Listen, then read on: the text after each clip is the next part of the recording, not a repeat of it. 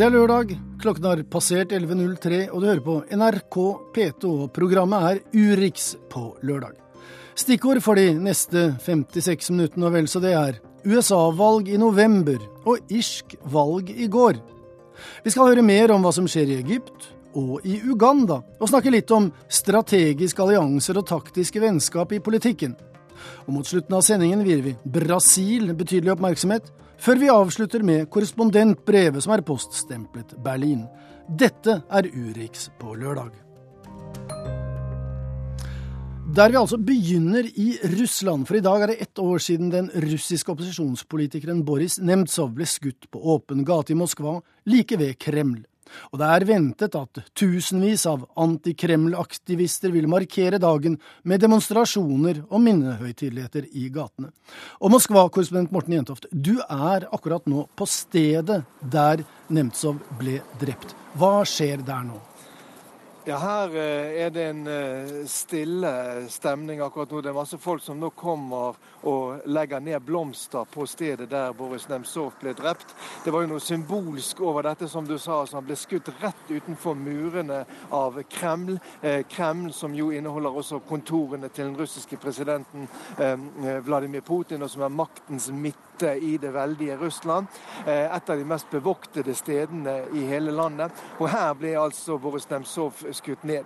Hit kommer altså mennesker akkurat nå med blomster. Eh, opprinnelig så ønsket også de som arrangerer minnemarkeringen i dag, å komme hit eh, eh, med sin eh, demonstrasjon. Det har de ikke fått lov til. Her er det bare et begrenset antall mennesker som får lov å komme. Demonstrasjonen den foregår et par kilometer unna her i Moskva. Og som du sa, det er ventet at eh, tusenvis, kanskje titusenvis av mennesker kommer til å delta i denne demonstrasjonen. Og det er også et voldsomt politioppbud rundt her da man frykter jo kanskje provokasjoner i forbindelse med en sånn markering som dette. Men Morten, uansett eh, demonstrasjoner, eh, det står ikke til å fornekte at president Putin står sterkt i befolkningen? Han står veldig sterkt i befolkningen, ikke minst utenfor store byer som Moskva og St. Petersburg. Eh, meningsmålinger som ble offentliggjort denne uken, de bekrefter det vi vet fra før. Rundt 80% av den russiske befolkningen sier at de er fornøyd med Vladimir Putin. Det er ingen tvil om at han har en enorm oppslutning i, i befolkningen.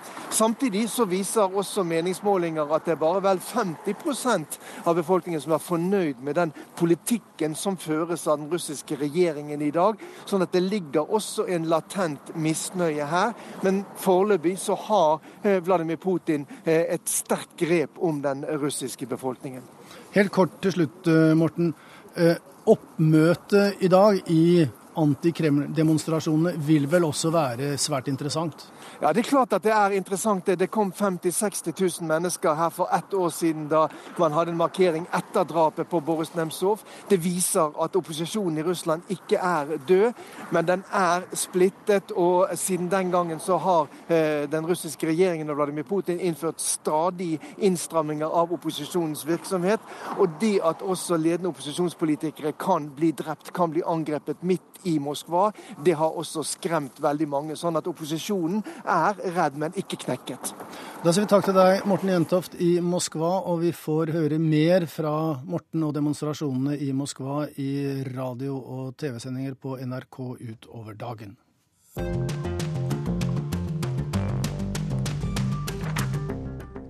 Et lite taktskifte der. Vi skal til USA, der det om tre dager er Super Tuesday. Ikke sånn i alminnelighet, men i den amerikanske valgkampen.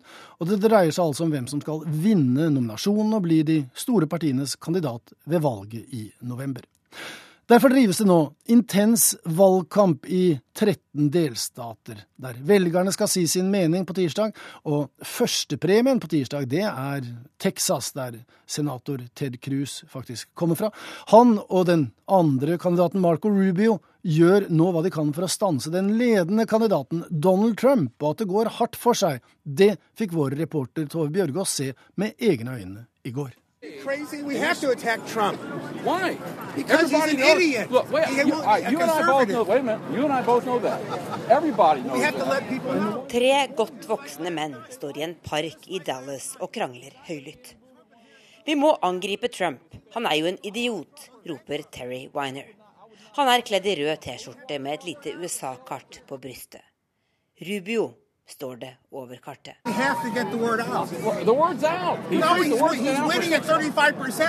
Vi må spre ordet. Vi kjenner alle noen som skal stemme på Trump. Vi må stanse dem, roper han. De to andre er ikke nødvendigvis enige. Men de tre republikanerne vet at stemmene deres blir spesielt viktige på tirsdag. Med sine 155 mandater er Texas førstepremien på selveste supertirsdag. Mange her liker sin egen populære senator Ted Cruz. Det gjør også Winer i T-skjorta, men han mener likevel Cruz må trekke seg, fordi Marco Rubio er den som har størst sjanse til å slå Trump på nasjonalt plan. Right. What does Donald Trump do when things go wrong? He takes Twitter. I have him right here. Let's read some. You'll have fun. Oppe på scenen har Rubio nettopp vært styggere i munnen enn jeg noensinne har hørt ham. Han har beskyldt Trump for å være en korrupt løgner. Han har lest opp stavefeilene i Twitter-meldingene hans, og han har fortalt hva som skjedde i reklamepausen i debatten på torsdag. First, he had this little makeup thing applying like makeup around his mustache because he had one of those sweat mustaches. Then, then he asked for a full-length mirror. I don't know why, because the podium goes up to here, but he wanted a full-length mirror. Maybe to make sure his pants weren't wet. I don't know. Trump ba om et helfigurspeil. Kanskje han ville se om buksene hans var våte, siden han var så stressa det er en god morgen for Rubio, som høster både latter og applaus fra noen hundre fra møtet. Men allerede før lunsj faller dagen hans i grus. Da entrer et kjent fjes overraskende scenen i nabobyen Fort Worth. Texas, I'm here today to proudly say I endorse Donald Trump for president of the United States. Chris Christie er den første fra det mye omtalte etablissementet i det republikanske partiet som offisielt stiller seg bak Donald Trump. Guvernøren i New Jersey avsluttet sin egen presidentvalgkamp for knappe tre uker siden. Nå kan han være en het visepresidentkandidat om Trump blir nominert. For Marco Rubio er Chris Christie mobberen som fikk ham til å bli helt satt ut i debatten i New Hampshire og deretter tape valget. Nå er han tilbake for å ødelegge for Rubio, dagen etter at sistnevnte har gjennomført sin beste TV-debatt noensinne. It's the endorsements are coming in, but the one I really was happy with is this one right here. So, Chris, thank you. We love you, man. Det er euforisk stemning i det enorme konferansesenteret der 15 000 mennesker har møtt fram for å høre på Donald Trump.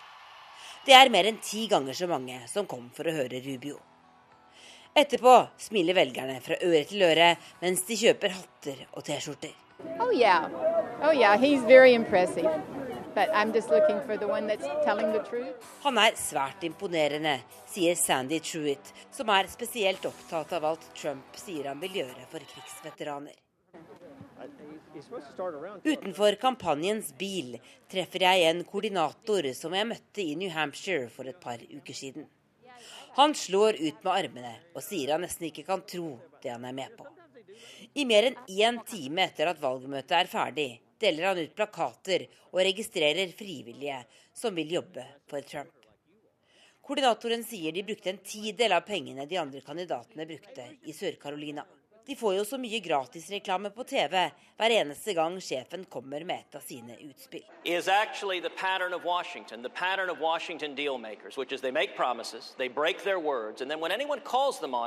Her i Texas er det stadig senator Ted Cruz som leder på de fleste meningsmålingene.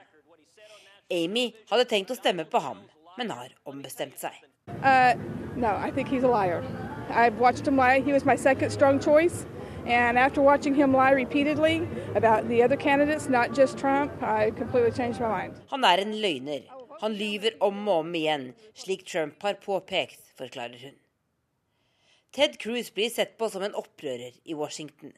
Men her i Texas er han både populær og nokså moderat, forklarer Ralph Brotherson. Well, he's just very firm on his beliefs, and, and that's to be respected. And he's very much a constitutional conservative. You know, I know he gets charged with, you know, not playing well with others, but sometimes that's what it takes, you know, to, to get things done. Han står bare på sitt, og jeg respekterer ham for at han er så prinsippfast, sier han. Trump leder suverent på meningsmålingene i flertallet av delstatene der det er valg på tirsdag. Men her i Texas har Cruz stadig overtaket på hjemmebane. Pams stemme får imidlertid ingen av dem, for hun er demokrat. Men likevel klarte hun bare ikke å holde seg unna da Trump kom til hjembyen. Exactly. I thought, I've got see this. I mean, this is amazing. It's fascinating. I can't get enough of reading about it. Jeg måtte bare gå for å se.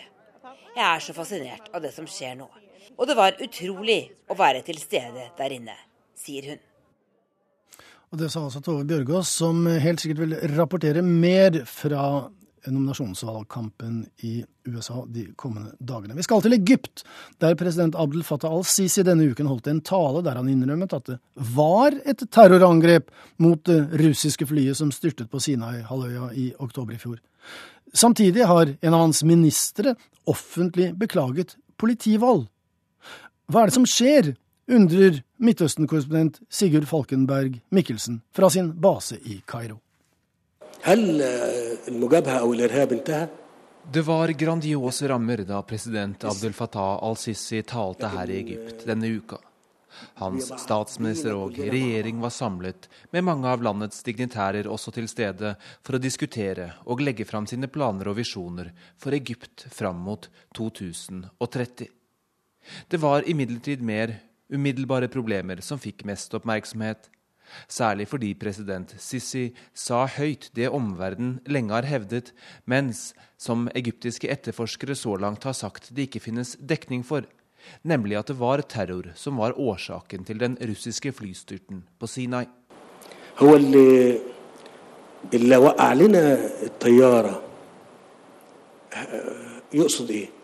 بس انه يضرب السياحه لا ويضرب العلاقات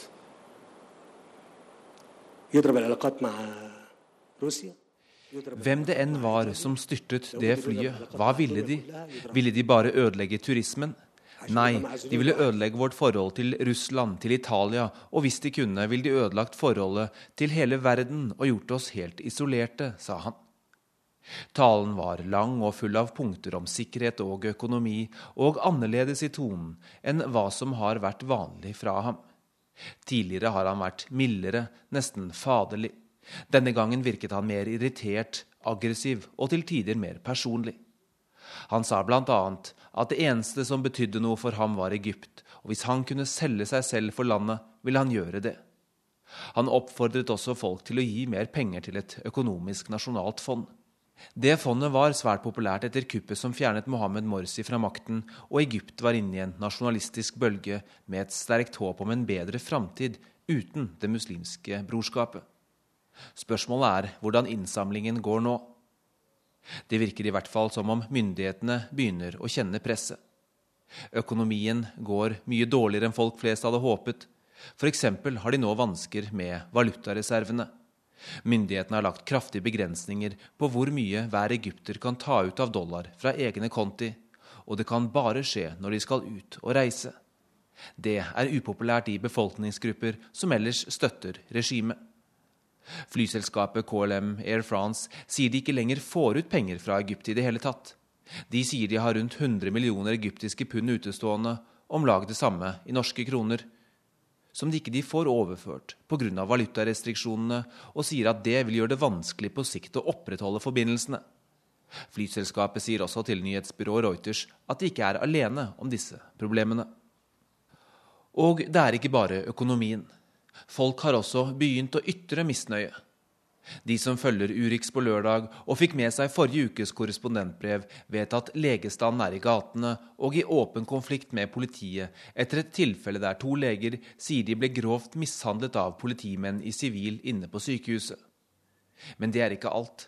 For sikkerhetsmyndighetene fikk også en hel bydel på nakken etter at en politimann trakk pistolen sin og skjøt og drepte en taxisjåfør. Etter sigende var det pga. en krangel om penger. Oppstanden var stor nok til at Sissi sa han skulle endre lovene for å hindre denne type handlinger, og politimannen er tiltalt for drap. Innenriksministeren var ute og unnskyldte seg for enhver borger som er blitt fornærmet av handlingene til noen få politimenn. Det er ikke vanlig kost. Og som om ikke det var nok av problemer for myndighetene. Etter at forfatteren Ahmed Nagi ble dømt til to år i fengsel for å ha fornærmet offentlig moral med eksplisitte seksuelle skildringer, har Sissi også fått kulturlivet på nakken.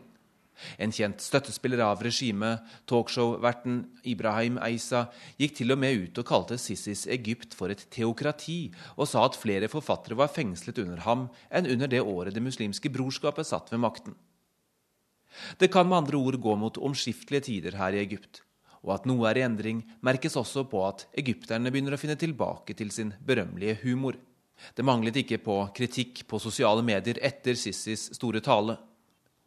Og like etter at president Sisi hadde sagt han var villig til å selge seg for Egypt, averterte en egypter i eksil i USA ham på auksjonsnettstedet eBay. Prisen på Sisi steg til 100 000 dollar før annonsen ble fjernet.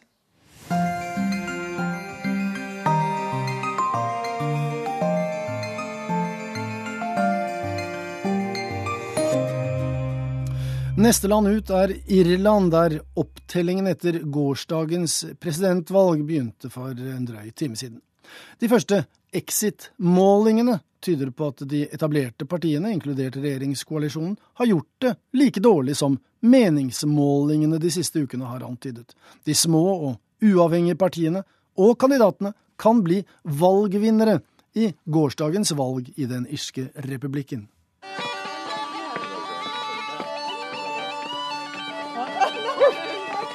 Sinn Féin-leder Jerry Adams danset til tradisjonelle irske toner sist onsdag, som var den nest siste dagen å drive valgkamp på i den irske republikken. Om det gjorde særlig inntrykk på velgerne, skal være usagt. Men skal vi tro meningsmålingene i Irland, så har hans nasjonalistparti tapt oppslutning. Som de fleste andre større partier i landet. Da parlamentet ble oppløst for tre uker siden, hadde Sinn Féin 20% oppslutning på den siste målingen denne uken hadde det 15%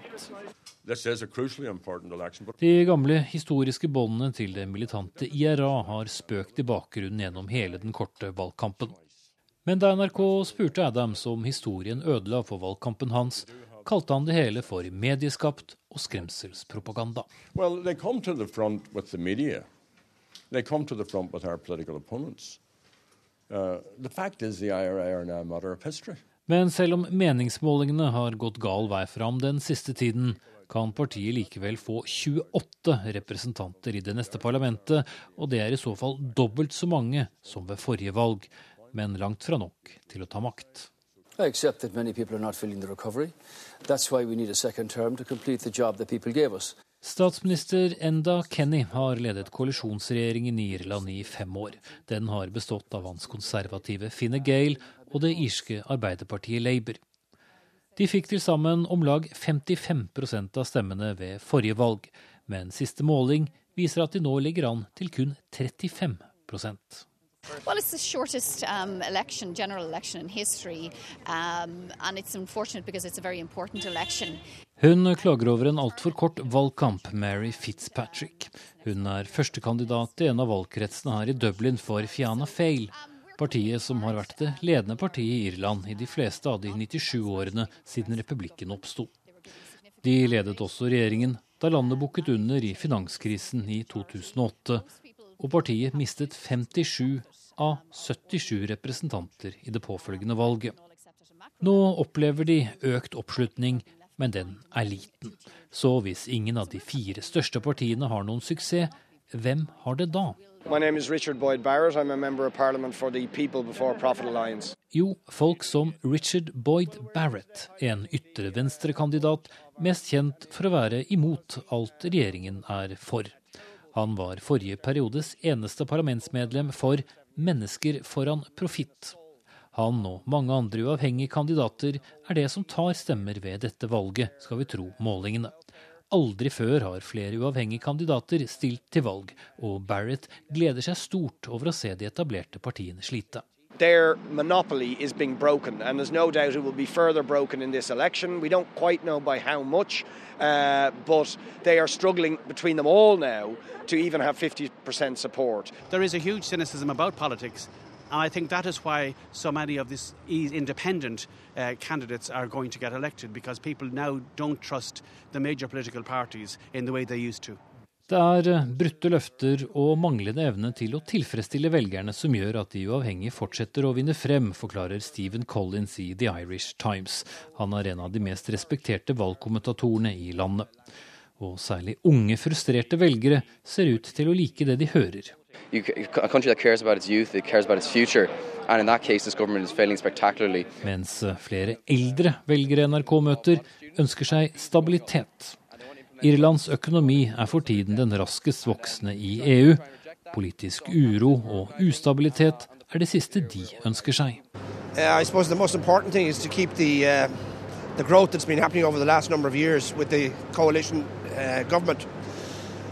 the economy is growing. It's the strongest economy in, in Europe in growth terms for the past two years. Det eneste som er sikkert med opptellingen som pågår akkurat nå, er at det er plass til 158 medlemmer i parlamentet, og at det er 550 kandidater som stiller til valg.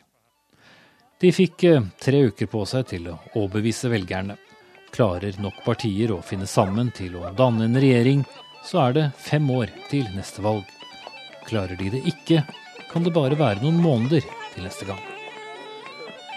Og det er kanskje ikke så mye å danse for. Ja, Det var korrespondent Espen Aas som hadde besøkt den irske hovedstaden Dublin.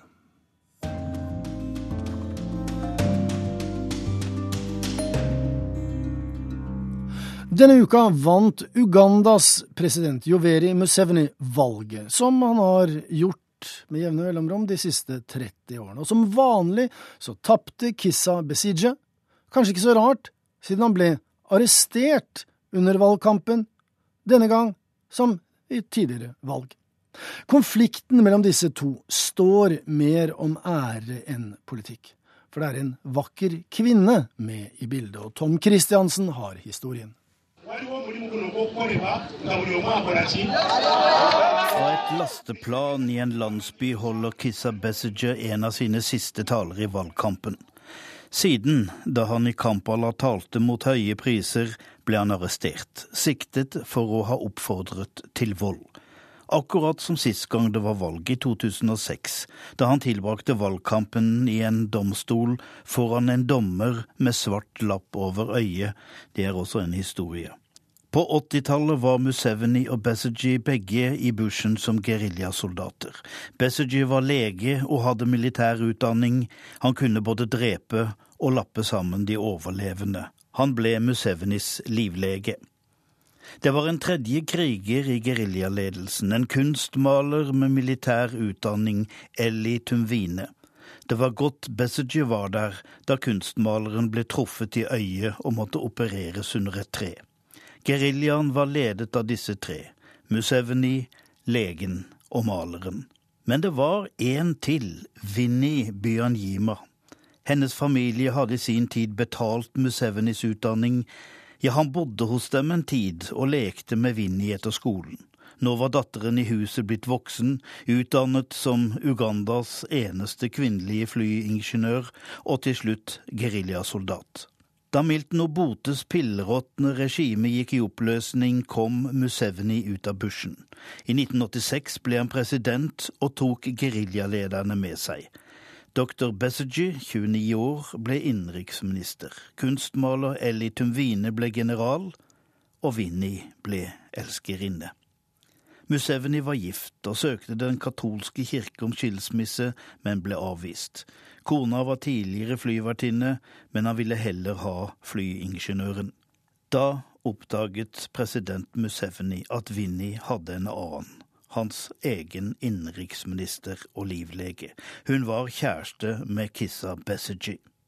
Han straffet Vinni med å få henne ut av landet som ambassadør i Paris.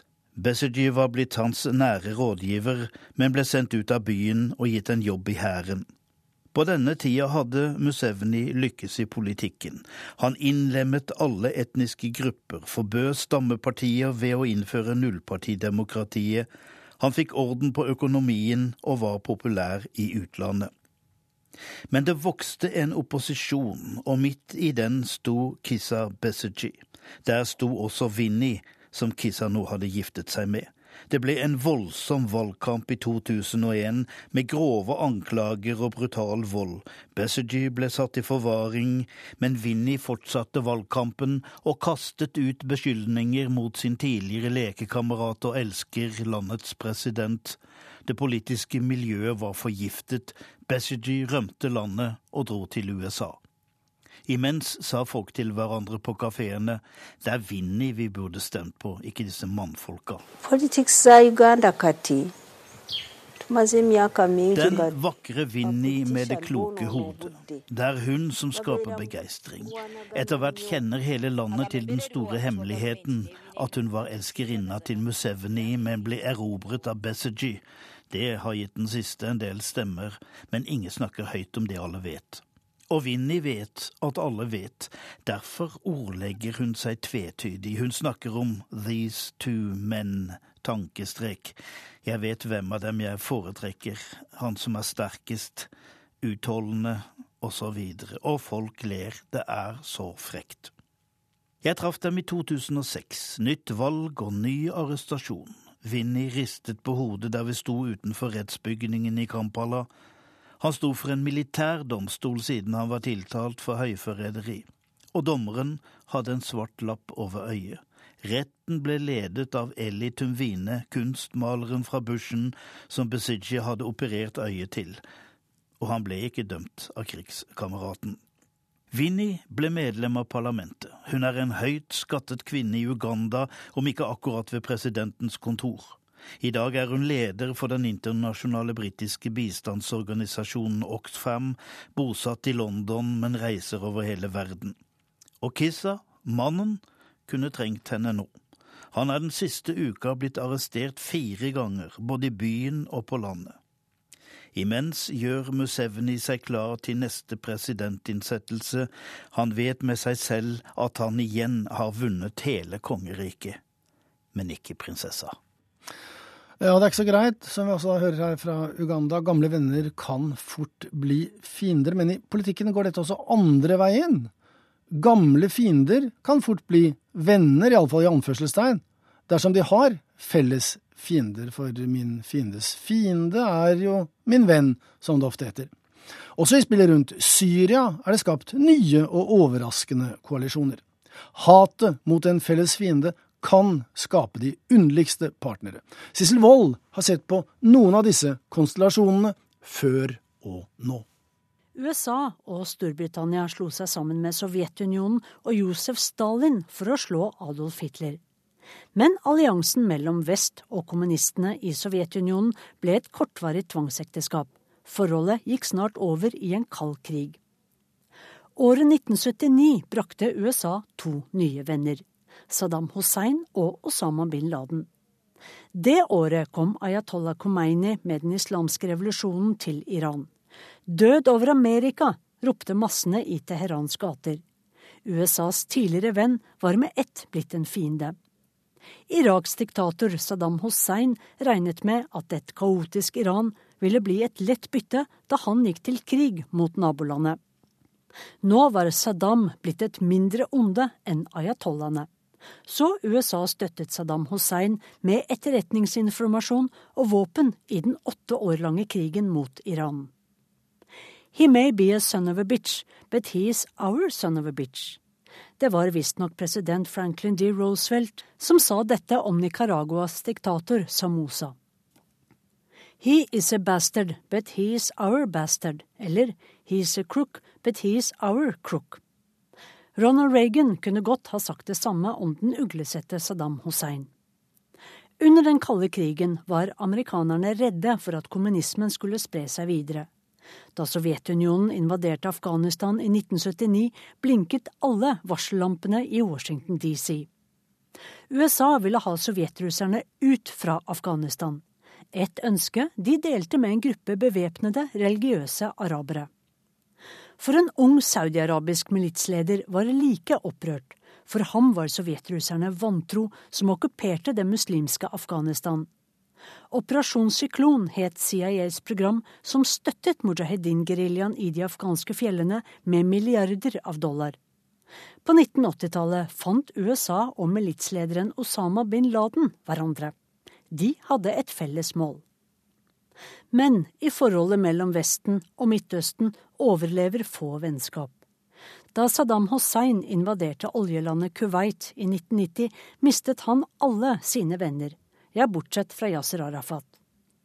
Under den første Gulfkrigen, operasjon Desert Storm, sto Irak alene mot 33 nasjoner, blant dem araberstater som Egypt, Syria og Saudi-Arabia. Men selv om Israel ble angrepet med Scud-raketter fra Irak, fikk ikke USAs nære allierte i Midtøsten være med i fronten mot Irak. For selv om en fiendes fiende er en midlertidig venn, fikk det være grenser, tenkte man nok i Damaskus og Riyadh. Iraks invasjon av Kuwait brakte amerikanske soldater til Saudi-Arabia. Troppene skulle beskytte Kuwait og oljekildene der. Dette fikk Osama bin Laden til å bråvåkne igjen. Etter at sovjethæren trakk seg ut fra Afghanistan, ble han og de andre mujahedin hyllet som helter og seierherrer.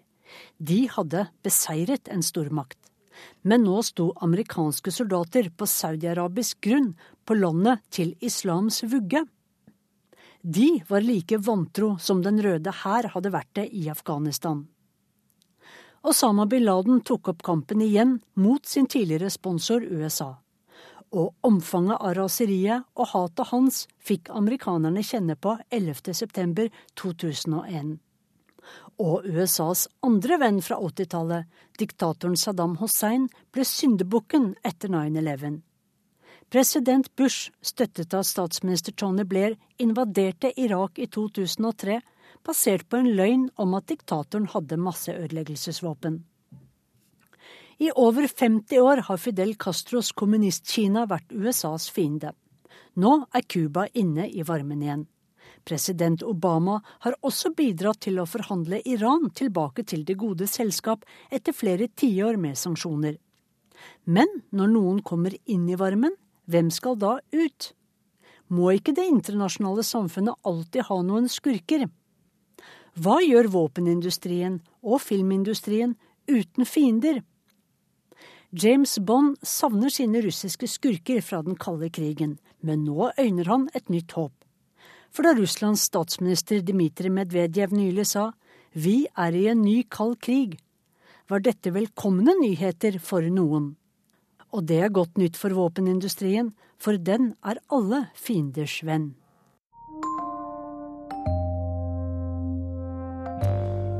Da skal vi snakke om Brasil, som for å holde oss i dette venn-fiende-bildet fra forrige innslag, er sin egen verste fiende. For i Brasil så altså lovende ut for bare noen få år siden, men nå ser det meste både mørkt og dystert ut. Marit Kolberg har mer om tristessen i verdens femte største og verdens femte mest folkerike land, som altså også skal arrangere sommer-OL om noen få måneder. Brasil presenterer fakkelbærere og ruten for den olympiske ild, og håper festen kan gi et skikkelig oppsving. For det kan landet trenge som en motvekt til de mange meldingene om økonomisk nedgang, korrupsjon og politisk rot. Presidenten har mistet mye av støtten i nasjonalforsamlingen, og er mer eller mindre handlingslammet etter beskyldninger om at hun har trikset med tallene i statsbudsjettet. Hun skal nemlig ha godkjent et regnskap basert på ulovlige pengeoverføringer. En meningsmåling fra slutten av januar ga henne den dårligste oppslutningen i manns minne. 70% av de spurte mente da at hun gjør en dårlig jobb. De protesterer mot korrupsjonen i det statseide oljeselskapet Petrobras. Presidenten kobles til denne skandalen, der en rekke politikere og næringslivsledere er arrestert. De skal ha tatt imot mer enn 14 milliarder dollar i bestikkelser. President Dilma Rousef var styreleder i oljeselskapet, men sier selv at hun ikke har gjort noe galt. E por que que não há fundamento legal? Não há fundamento legal porque eu tenho uma vida. Eu tenho uma vida ilibada. Den påståtte talltriksingen i statsbudsjettet har ført til en prosess der saken har gått fram og tilbake mellom Senatet og Underhuset i parlamentet og landets riksrevisjon. Og nå jobber opposisjonen for å få henne stilt for riksrett. Og samtidig blir økonomien i dette store landet stadig dårligere. Fallende oljepris og lavere etterspørsel i handelen med Kina er to av grunnene og landets kredittvurdering nærmer seg det som kalles søppelstatus. Så var håpet, da, at OL-ilden kanskje kunne lyse opp noe av dette dystre bildet. Men det var før myggen og mistanke om at den bringer med seg mikrokefali.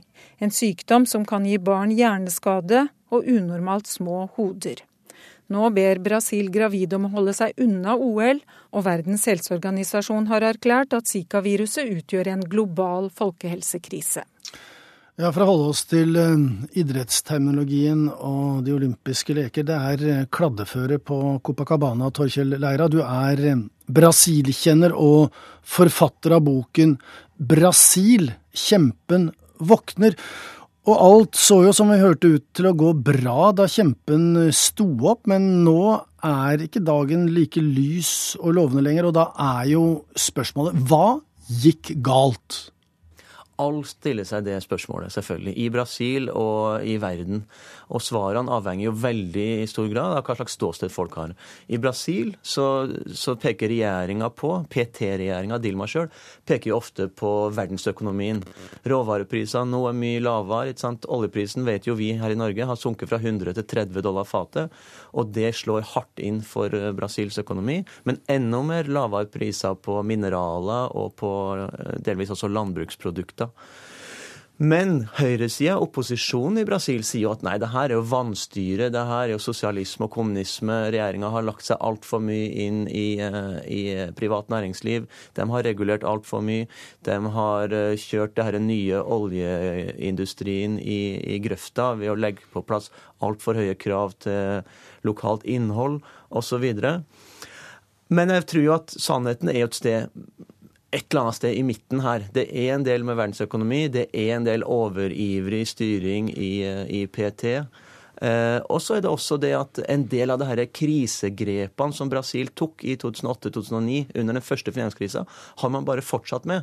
At man har hatt store offentlige innskudd i økonomien.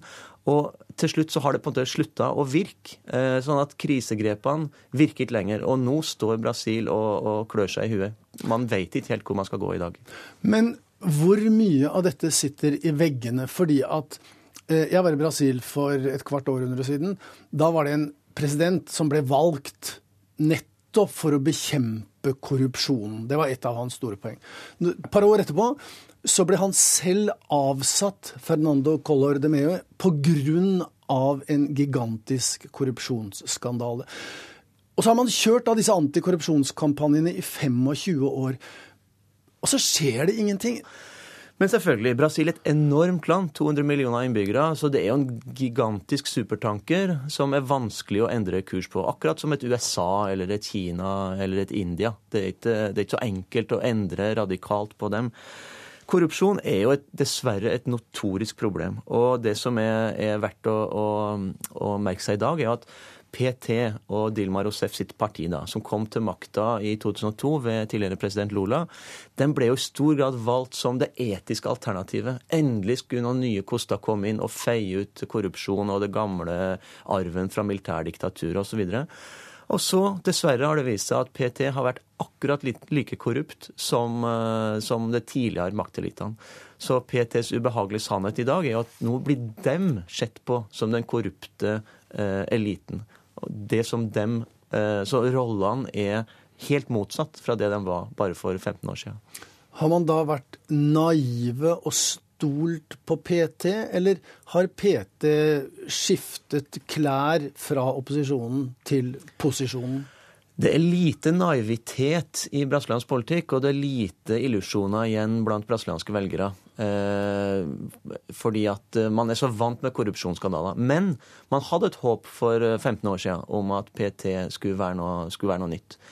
Men jeg tror at eh, PT, etter å ha tapt tre presidentvalg på rad, nærmest på målstreken, eh, bare fant ut at OK, for å få makta må vi spille det spillet som må spilles. Vi er nødt til å gjøre det som gjøres må. Og de inngikk de alliansene de måtte, inkludert skitne allianser med næringsliv og med, med andre typer partier. Så jeg tror dessverre ikke at du kommer til toppen i brasiliansk uten å spille det skitne spillet. Sånn at den rollen som PT hadde tidligere, da de var i opposisjon, den rollen er i dag ubesatt. Det er ikke lenger noe lokomotiv som kan på en måte lede an i kampen mot korrupsjon og annen elendighet, for, for nå sitter PT i glasshus. På det politiske arenaen så tror jeg det er helt riktig. Det lange eh, løpet her er jo det at eh, PT ble sett på som det, som jeg sa her i sted, det etiske alternativet eh, etter at Brasil hadde vært et militærdiktatur i 25 år, etter at det, at det høyrevridde elitene hadde styrt Brasil i 200 år. Så kommer da PT inn i makta i, i 2002. Men dessverre, de har vist seg like korrupt og maktsjuk som, som elita flest i, i Latin-Amerika. Men det som er forskjellen i dag, det er at du har et rettsvesen som tilsynelatende i hvert fall fungerer mye bedre. I dag er ledende politikere i fengsel. Både de som har vært valgt eh, før, men også på en måte folk som er aktive politikere i dag. Du har eh, ledende Eh, næringslivsledere i det største byggefirmaene og entreprenørfirmaene. De sitter i fengsel i dag. Så at rettsvesenet har vist seg mye mer effektiv enn det de har gjort før. I tillegg så kommer korrupsjonssakene mye sterkere fram i media. Det er ikke lenger sånn at eh, media beskytter de den politikerne som er under etterforskning eller mistenkt. Det kan igjen ha med det at i dag er det mange i stor grad venstre, sentrums- og venstresidepolitikere som er i søkelyset. Tidligere har det vært høyresidepolitikere. Og brasiliansk riksmedia har en sterk høyrevridd eh, sånn politisk agenda. Ja, da sier vi takk til deg, Torkjell Leira. Men vi skal ikke forlate Brasil riktig ennå, for i august starter de olympiske sommerlekene i Rio de Janeiro, som vi vel har sagt opptil flere ganger nå.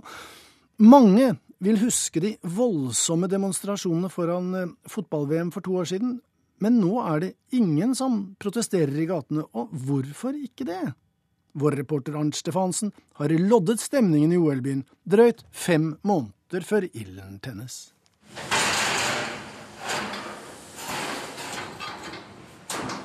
De jobber så svetten siler med tunge jernkonstruksjoner, og de vet hva som står på spill.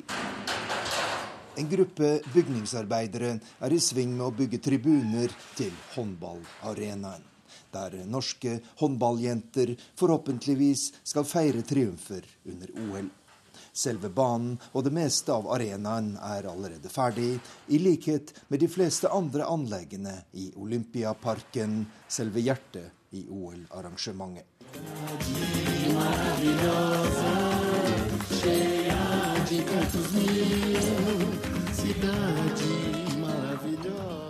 Cidade Maravilhosa, Den vidunderlige by, er tittelen på Rio de Janeiros bysang, og OL-arrangørens skrytevideo viser oss det beste OL-byen har å by på.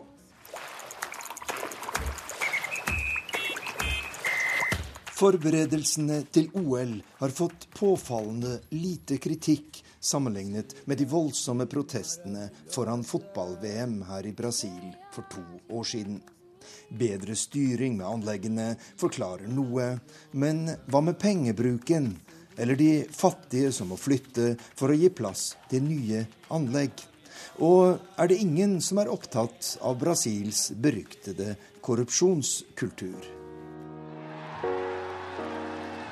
O que a Carta Olímpica promete? Jo da, det er noen som protesterer. Komité Popular, Folkekomiteen for Rio, som har en stor nasjonal og internasjonal ekspertise, har nylig gitt ut en hundresiders rapport med kraftig kritikk av OL-arrangementet.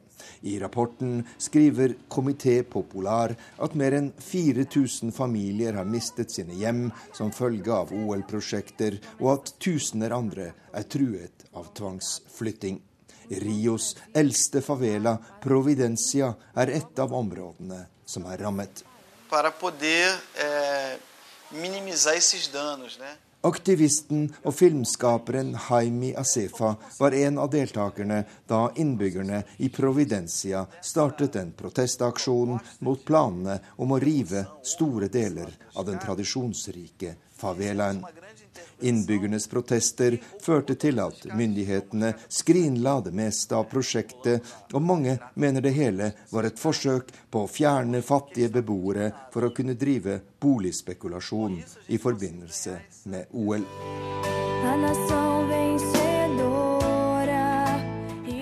Nassau Vencedora, en vinnernasjon, er tittelen på denne OL-sangen. Og selvsagt håper Brasil på medaljedryss i sitt eget OL. Hvilken nytte og glede har Rios innbyggere av OL etter at den olympiske ilden er slukket?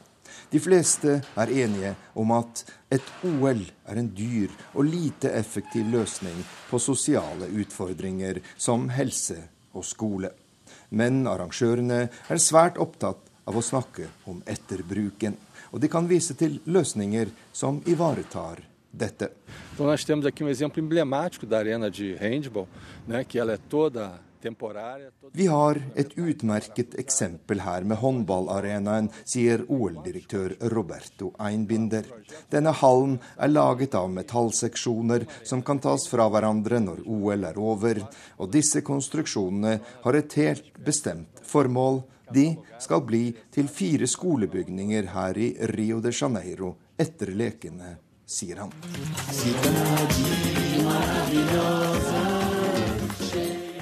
Ja, og nå, mine damer og herrer, selve finalen korrespondentbrev. Det kom fra Tyskland, der hendelsene i Köln og Hamburg på nyttårsaften, der flere jenter ble overfalt av det som stort sett var nordafrikanske innvandrere, satte en støkk i den tyske befolkningen. Denne støkken den viser seg på flere måter. Ukas korrespondentbrev er tenkt ut ulike steder i Europa, men skrevet og postlagt i Berlin av Guri Nordstrøm. Vi har egentlig blitt litt sånn som vi ikke vil bli nå, må jeg innrømme, sier en tysk kamerat over middagsbordet.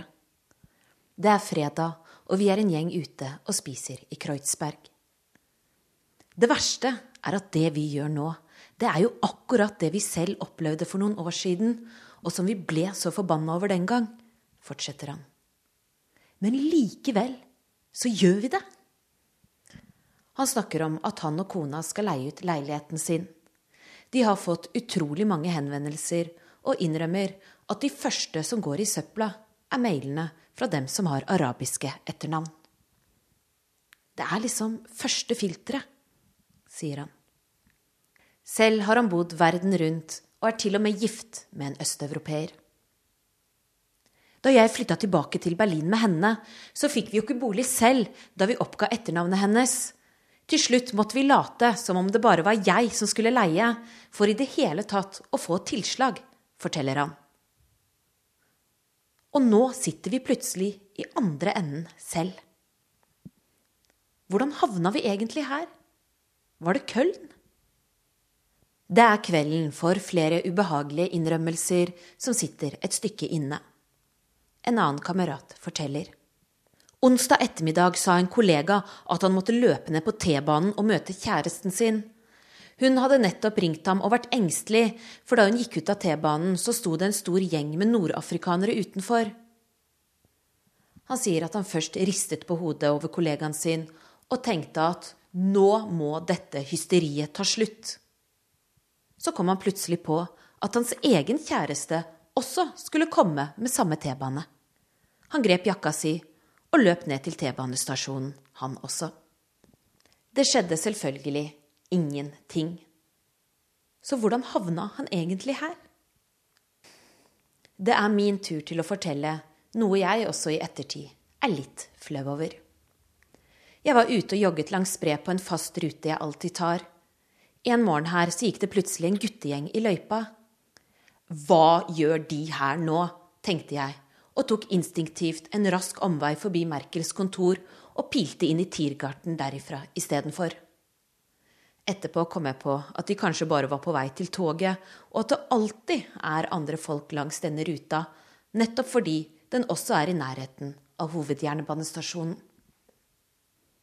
Så hvordan havna jeg egentlig her? Støkken fra Köln har gitt frykten mange uttrykk her i Tyskland. Et av dem er at det innvandringskritiske partiet Alternativ for Tyskland har gjort et byks på meningsmålingene og nå er landets tredje største parti. En ren protestreaksjon mot de etablerte partiene, mener mange politiske eksperter. Da jeg møtte partilederen Frauke Petri nylig, mente hun at oppskriften til deres suksess var at de tør å ta debatten ingen andre tør å ta. Om fremgangen virkelig har satt seg, og om det tre år gamle partiet etter hvert blir en stemme tysk politikk må ta hensyn til fremover, får vi en pekepinn på under valget i tre delstater 13.3. I en av delstatene, Saksen-Anhalt, har de nå 17% oppslutning og er større enn det sosialdemokratiske partiet. Bare i januar kom det over 90 000 migranter til Tyskland.